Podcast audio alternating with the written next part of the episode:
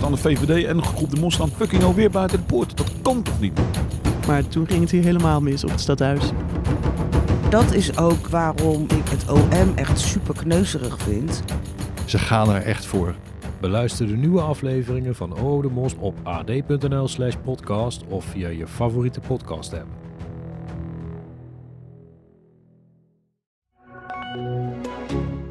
Yo, Pik, luister, Pik. We kunnen twee dingen doen. We gaan het oplossen of we gaan het escaleren, jongen. Wat gaan we doen? En dan vraagt die ander, wat gaan we oplossen of escaleren? En dan zegt eh, die nummer weer, wil je stoer gaan doen, broertje? Dan ga je zien wat gezondheid niks is, gelijk met je moeder. Wat gaan we doen, jongen? Wie ben je, broer? vraagt die ander dan. En dan zegt je wil stoer doen. Nou, je wil stoer doen, toch? Betalen. Als horecaondernemer wil je mensen graag een fijne tijd bezorgen. Een lekker drankje, een praatje, een hapje en gezelligheid. Maar wat als dat plezier door iemand wordt vergald? Enkel voor wat geld.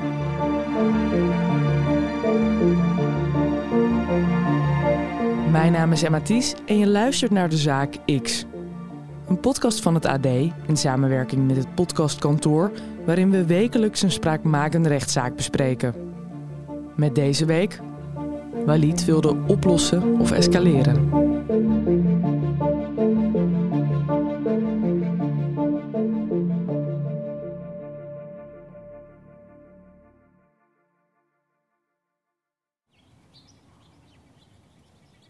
Het is ochtends heel vroeg in een straat in Tiel, een stadje in Gelderland.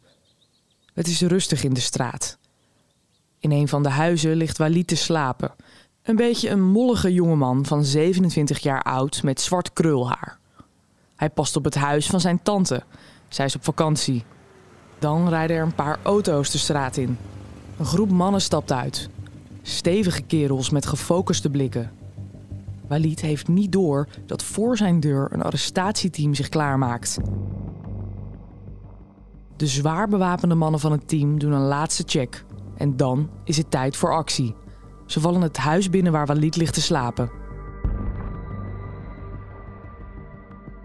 Ze zijn naar boven gelopen en ze hebben hem toen uit zijn bed getrokken. Uh, dat ging nogal op brute wijze. Je hoort verslaggever Rachel van Kommer van AD Utrecht Nieuwsblad. Het arrestatieteam valt binnen bij Walid na een lange zoektocht van de recherche. Deze zoektocht begon een maand eerder. Toen kregen niet vermoedende ondernemers in de omgeving van Utrecht ineens allemaal dreigende berichtjes. Als het arrestatieteam in de slaapkamer van Walid staat, belt een politieagent het telefoonnummer waarmee de dreigberichten zijn verstuurd. Toen ging dus uh, de ringtoon onder het hoofdkussen waar de man op lag te slapen ging af. Nou, toen hadden ze dus wel geverifieerd dat het dezelfde telefoon was. En toen is die meegenomen. Door de aanhouding van Walid keert de rust weer terug. De schrik zat er goed in bij de ondernemers in de omgeving van Utrecht. Met name door de heftige toon van de berichten. Het ging echt van, uh, luister, uh, je hebt nu binnen vijf uur moet je mij uh, 3200 euro betalen. Anders wordt er op je zaak geschoten en gaat de burgemeester je zaak sluiten. Want dan sla ik je al jouw tanden eruit, bro. Dus wil je oplossen of escaleren? Je mag blokken, schelden, wat je wilt, maar dan kom je erachter dat geld niks is in vergelijking met gezondheid. Als je het niet wilt oplossen, ga ik je neuken, hoor je me? Betaal, dan is het opgelost. Hij wilde vooral geld op een Bitcoin-adres hebben. Dus dat varieert van bedragen tussen de 2500 en de 3800 euro. Dan wilde hij dat op dat Bitcoin-adres uitbetaald hebben binnen een paar uur. En als die ondernemers dat niet deden, nou dan dreigde hij dus met beschietingen op de ondernemingen of explosieven aan de deurklinken te hangen. Die ochtend was er een explosief gevonden bij een patisserie aan de Kanaalstraat uh, in Utrecht. Um, daar was een hele explosieve opruimingsdienst. De EOD was daar ter plaatse en die heeft, ja, heeft echt letterlijk een handgranaat daarvan de deurklink gevist. Uh, die daar lag. Die werd was ochtends door een voorbijganger werd die daar opgemerkt. En in zijn appjes aan die, aan die Utrechtse horeca-ondernemers zegt hij ook PS, heb je gezien wat er vanochtend aan de Kanaalstraat is gebeurd? Met andere woorden, als jij niet doet wat ik zeg, namelijk mijn geld betalen, dan vind jij ook ineens een explosief of een handgranaat aan jouw voordeur. Uh, en vooral, en dat was eigenlijk zijn belangrijkste troef, in bijna al zijn berichtjes zegt hij tegen de ondernemers: Als je niet doet wat ik zeg, dan wordt jouw zaak op last van de burgemeester gesloten. Soms plaatsen criminelen explosieven bij panden of bedrijven als waarschuwing of signaal. De politie doet na de vondst van die explosieven onderzoek en heeft daarna de mogelijkheid om aan te geven bij de burgemeester waar zij denken dat de dreiging vandaan komt. Burgemeesters kunnen dan besluiten bedrijven of huizen langdurig te sluiten als ze denken dat er activiteiten plaatsvinden die de openbare orde negatief beïnvloeden. Dit heeft grote impact op die ondernemingen, want sluiten betekent geen inkomsten. En deze bedreiger speelt in op die angst. Waren hele opmerkelijke berichtjes waarin hij eigenlijk stevast dezelfde zin gebruikte, namelijk gaan we dit oplossen of gaan we het echt laten escaleren? Dat was echt zijn trademark, zou ik bijna willen zeggen. Voor die horeca-ondernemers is het best wel beangstigend geweest. Want zij krijgen ineens zo'n dreig-app. Een horeca-ondernemer zei ook in zijn uh, verklaring aan de politie... van ja, hij bleef maar drammen dat ik moest betalen. Je zat echt wel een tijdsdruk op. Van je hebt nog zoveel uur, je hebt nog zoveel uur. Die ondernemer die is echt met angst en beven gaan slapen. Die kon ook bijna niet slapen. En de volgende dag is hij naar zijn zaak gegaan. Echt denkende van, ja, wat ga ik aantreffen?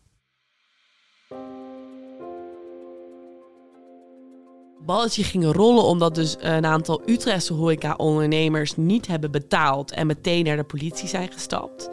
En toen is er een groot politieonderzoek gestart en daaruit bleek dat vanaf dit telefoonnummer uh, ook uh, zijn gestuurd naar horeca-ondernemers, restaurantondernemers en, en kapperszaken in uh, Tiel, Rotterdam, Eindhoven, Culemborg, zelfs in Geldermalsen. Daar kwam de jongen vandaan. Van wat ik heb begrepen is dus een groot onderzoek gedaan naar het telefoonnummer met de IP-adressen en noem het allemaal op. Uiteindelijk hebben ze het kunnen passeren naar deze Walid B. Ze hebben hem dus aangehouden en toen hebben ze zijn telefoons in beslag genomen en die hebben ze uitgelezen en onderzocht. En daar kwamen een aantal hele opmerkelijke dingen uit. Um, een van de opmerkelijke dingen vond ik dat er 25 SIM-kaarten, dus 25 verschillende telefoonnummers, in één toestel hebben gezeten in een half jaar tijd. Hij heeft dus constant een simkaartje eruit gehaald, een ander simkaartje erin gestopt en nou, dat verwisselt. Als de rechter hier naar vraagt, bezweert Walid dat hij van niks weet. Hij wisselt nooit van telefoonnummer, zegt hij. Ik heb geen verklaring, zegt u, voor het feit dat er 25 telefoonnummers in alleen al dat 1,5 jaartje ja. hebben, in dat toestel hebben gezeten. Dat weet u niet. Nee, zeker nee. Want kijk, als u zegt van ik heb dat niet gedaan, maar dat kan misschien komen door dat. En u heeft er een verklaring voor, dan hoor ik het graag. Hè? Want dit is het moment dat, we daarover spreken. Zeker, en ik ben er heel erg bewust van eh, dat dit het juiste moment is. Maar dat weet ik dus al zes maanden ja. ook een advocaat uit te leggen. Ik, ik weet daar niks van. Weet dat niet. En als dat wel zo was, dat, was dat nu perfect om, om, om, om schoon schip te maken, snap je? Ik begin nu ook, uh, snap je? Ik, ik, ik, weet, ik weet heel goed wat jullie willen horen, maar ik kan, ik kan jullie niet pleasen. Maar snap je? Willen horen, kijk, er kan ook een andere verklaring voor zijn, maar die moet dan van u komen, zeg maar. Hè? Precies, maar ik kan moeilijk, uh, ik kan moeilijk uh, wijzen of, uh, of verhaal... U weet niet... nee, nee, zeker kunt niet verklaren wat u niet weet. Ja, precies. weet het niet. Dat wil ik uitleggen, ja. ja. Dus hij heeft 25 telefoonnummers eigenlijk gehad die hij steeds wisselde in hetzelfde toestel en die hij gebruikte om mensen mee te bellen of te appen of dus, hè, dat is dus de verdenking, af te persen. En het andere opmerkelijke was dat ze hebben gezien in zijn telefoon dat er de ochtend dat hij die, die, die uh, afpersingsappjes aan die Utrechtse ondernemers verstuurde, dat hij had gegoogeld op explosieve kanaalstraat. En dat was de straat in Utrecht waar die ochtend een handgranaat aan de deurklink van een patisserie werd gevonden. En hij heeft dat gegoogeld en het artikel van onze krant, van het AD, geopend. En dat heeft hij helemaal gelezen. En hij heeft er nog een paar andere zoektermen gebruikt. Maar allemaal kwamen neer op explosieve kanaalstraat. En kort daarna worden dus dreigappjes naar die café-eigenaren gestuurd. Met PS, heb je gezien wat er vanochtend bij de kanaalstraat is gebeurd? Op 15 juni, dus de dag dat ook vier van de te lastig gelegde afpogingen tot afpersing hebben plaatsgevonden, is om 17 over 11 s morgens uh, bezocht de volgende site, ad.nl, explosief aangetroffen bij restaurant aan Kanaalstraat. En dat is natuurlijk opvallend, omdat in die uh, afpersingsberichten die op die 15 juli om ongeveer kwart over vijf s middags verstuurd zijn, ook gerefereerd wordt aan. Je ziet wat er gebeurd is in de Kanaalstraat deze ochtend. Heeft u daar een verklaring voor? Bent u dat geweest? Uh, ik heb het uh, zeker opgezocht. Uh, ja. die, dat, kun je allemaal, dat kun je ook zien op social media, Snapchat, et cetera, et cetera. Ja. En ik, ik, ik, ik, eet wel eens in die straat, snap je? Ik kijk elke dag het nieuws, ja. ik volg dingen en ik volg zoveel dingen. Ik volg ook de natuur, snap je? Precies identito met dat, snap je? Ja, u zegt dat was gewoon een bericht. Heel random, heel simpel, wat iedereen, in, iedereen volgt. Iedereen volgt het nieuws, ik volg het nieuws, snap je? De recherche heeft dat één op één gelinkt van hij heeft dat opgezocht. En hij heeft vervolgens die aanleiding, die voor veel, de hele straat was afgesloten, de explosieve opruimingsdienst was erbij. Hij heeft die aanleiding gebruikt, als het ware, om die horeca-ondernemers nog verder onder druk te zetten van je gaat betalen.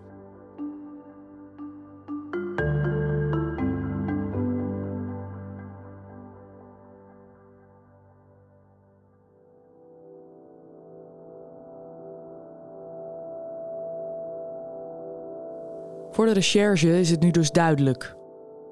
In het toestel dat bij Walid is aangetroffen, hebben de afgelopen tijd 25 telefoonnummers gezeten. Daar zaten ook de telefoonnummers bij die gebruikt zijn om de ondernemers af te persen.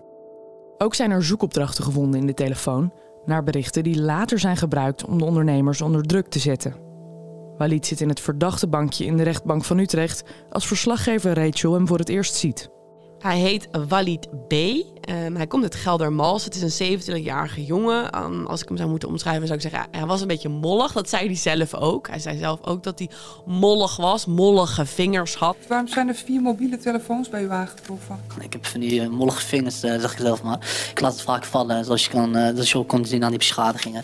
En sommige deden het niet eens. eentje, deed, eentje was kapot of weet je, heel simpel.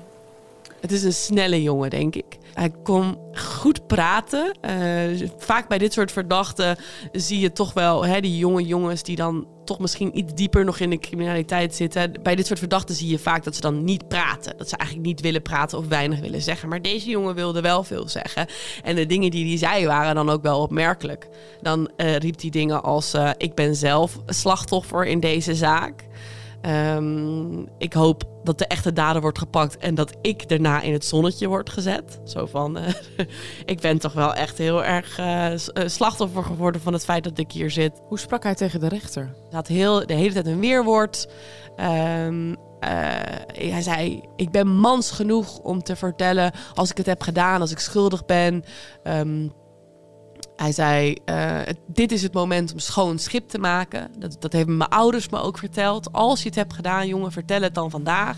Ik, uh, ik heb mijn ouders ook beloofd om de waarheid te vertellen. Snap wat ik bedoel? Ik ben mans genoeg om ook de waarheid op tafel te gooien. Ja. Want ik, ik, ik weet het niet. Ik nee. weet het niet. Snap je? En ik ben mans genoeg om dat ook gewoon toe te geven als ik het wel was. Ja. Snap je? Want ik ben iemand, ik kijk verder. Snap je? Je moet, je, je moet naar je toekomst verder gaan. Begrijp je? En dat weet ik. En daar ben ik ook heel erg bewust van. Maar ik, ik, ik kan niet iets blootgeven als ik het niet weet. Nee. Snap je? Ik, ik, ik kan mezelf niet, uh, ja, ik, ik, ik kan niet iets verklaren als ik het niet weet. Begrijpt u? Ondanks de dreigende toon van de appjes heeft er nooit een ondernemer geld overgemaakt naar Walid. Dus ook wel als je die appjes leest. Ik heb heel veel spelfouten. Uh, luister, je gaat nu betalen. Ik ben serieus, ik meen dit. In een van de appjes zegt hij bijvoorbeeld tegen een ondernemer: uh, Je mag zelf beslissen wat je overmaakt. Ergens tussen de 2500 en de 3000 euro. Want de goudkoers die schommelt nogal. Die ondernemers waren misschien wel heel erg bang. Maar blijkbaar voelden ze ook wel de ruimte om dus niet het geld over te maken. En dus meteen de politie in te schakelen. Um, maar misschien dachten ze ook wel van het is serieus, zo serieus. Ik ga meteen de politie erbij halen. Ik ga hier helemaal niet uh, mezelf mee bezig zijn. Ik wil gewoon meteen dat ik geholpen word. Dat kan natuurlijk ook. Maar dat is dus niet duidelijk geworden omdat de ondernemers er zelf niet bij waren.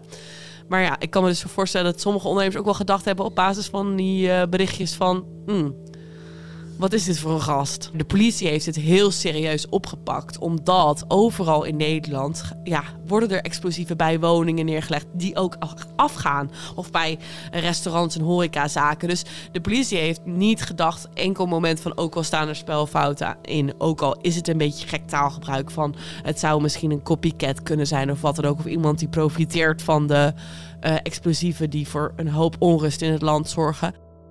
En dat is ook de reden waarom het Openbaar Ministerie gewoon wel een forse straf heeft geëist. Omdat ze zoiets hebben van, wij gaan wel een duidelijk signaal afgeven. Namelijk dat dit niet is wat wij willen. Met al het bewijs dat er tegen Walid ligt, eist het OM 15 maanden cel voor poging tot afpersing.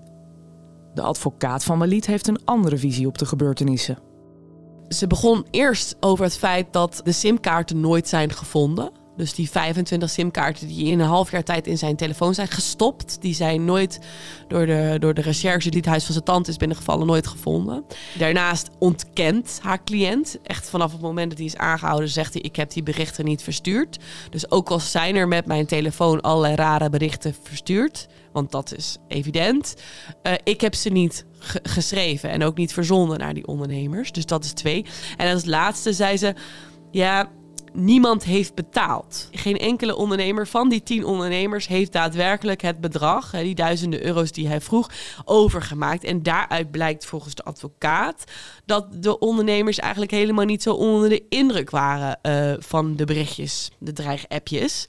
En sterker nog, dat ze juist dachten dat het om spam of phishing ging. En uh, zij is van mening dat als de politie er niet zo dik bovenop had gezeten, dus de zaak niet zo serieus had opgepakt vanwege al die explosieven in het land, dat er dan uh, tijdens de rechtszaak een veel minder dik dossier op tafel had gelegen.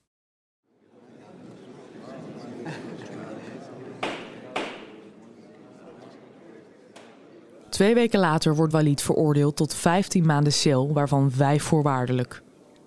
De rechter gaat mee met de eis van het OM om een aantal extra voorwaarden op te leggen om greep te kunnen houden op de toekomst van Walid. Hij moet meewerken aan drugstesten en zijn schulden wegwerken. Zo wil men zorgen dat hij op het rechte pad blijft. Walid heeft wel een opvallend beeld van hoe hij zijn toekomst voor zich ziet. Nou, daar had hij wel een heel beeld bij, ja. Um, hij zei: Ik wil graag de zorg ingaan. Want ik hou ervan om mensen te helpen. Uh, daar staat hij volgens hemzelf ook bekend om in zijn omgeving. Maar daarnaast, als het dan niet lukt om in de zorg aan de slag te gaan, dan zou hij wel de horeca in willen. Want hij houdt van koken. Koken is echt zijn passie. En hij vindt het heel leuk om mensen te zien smullen van zijn eetkunsten, zei hij. Dus uh, ja, we gaan zien of hij dat, uh, die kans krijgt. Dankjewel, Rachel.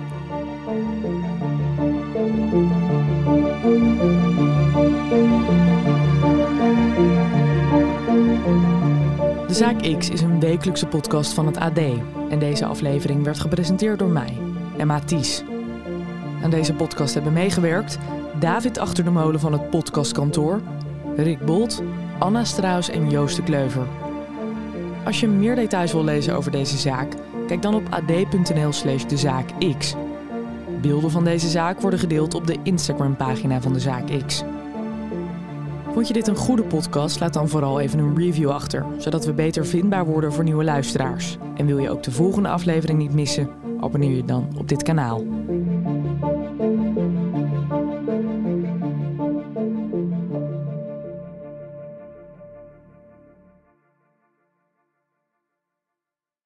De politie is woensdagmorgen opnieuw binnengevallen bij camping, camping Fort Oranje tussen Breda en Rijsbergen. Op camping Fort Oranje, tussen Rijsbergen en Breda, kwamen verschillende werelden samen. Er woonden zo'n 700 mensen. En bij de ingang stond een slagboom. Maar dat betekende niet dat het daar binnen veiliger was dan naar buiten. Zo gaat de gemeente met mensen om! Hoe kon het in hemelsnaam zo ver komen?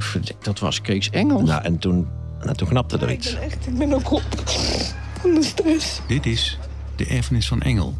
Te beluisteren via de sites van het AD, B en de Stem en de aangesloten regionale dagbladen.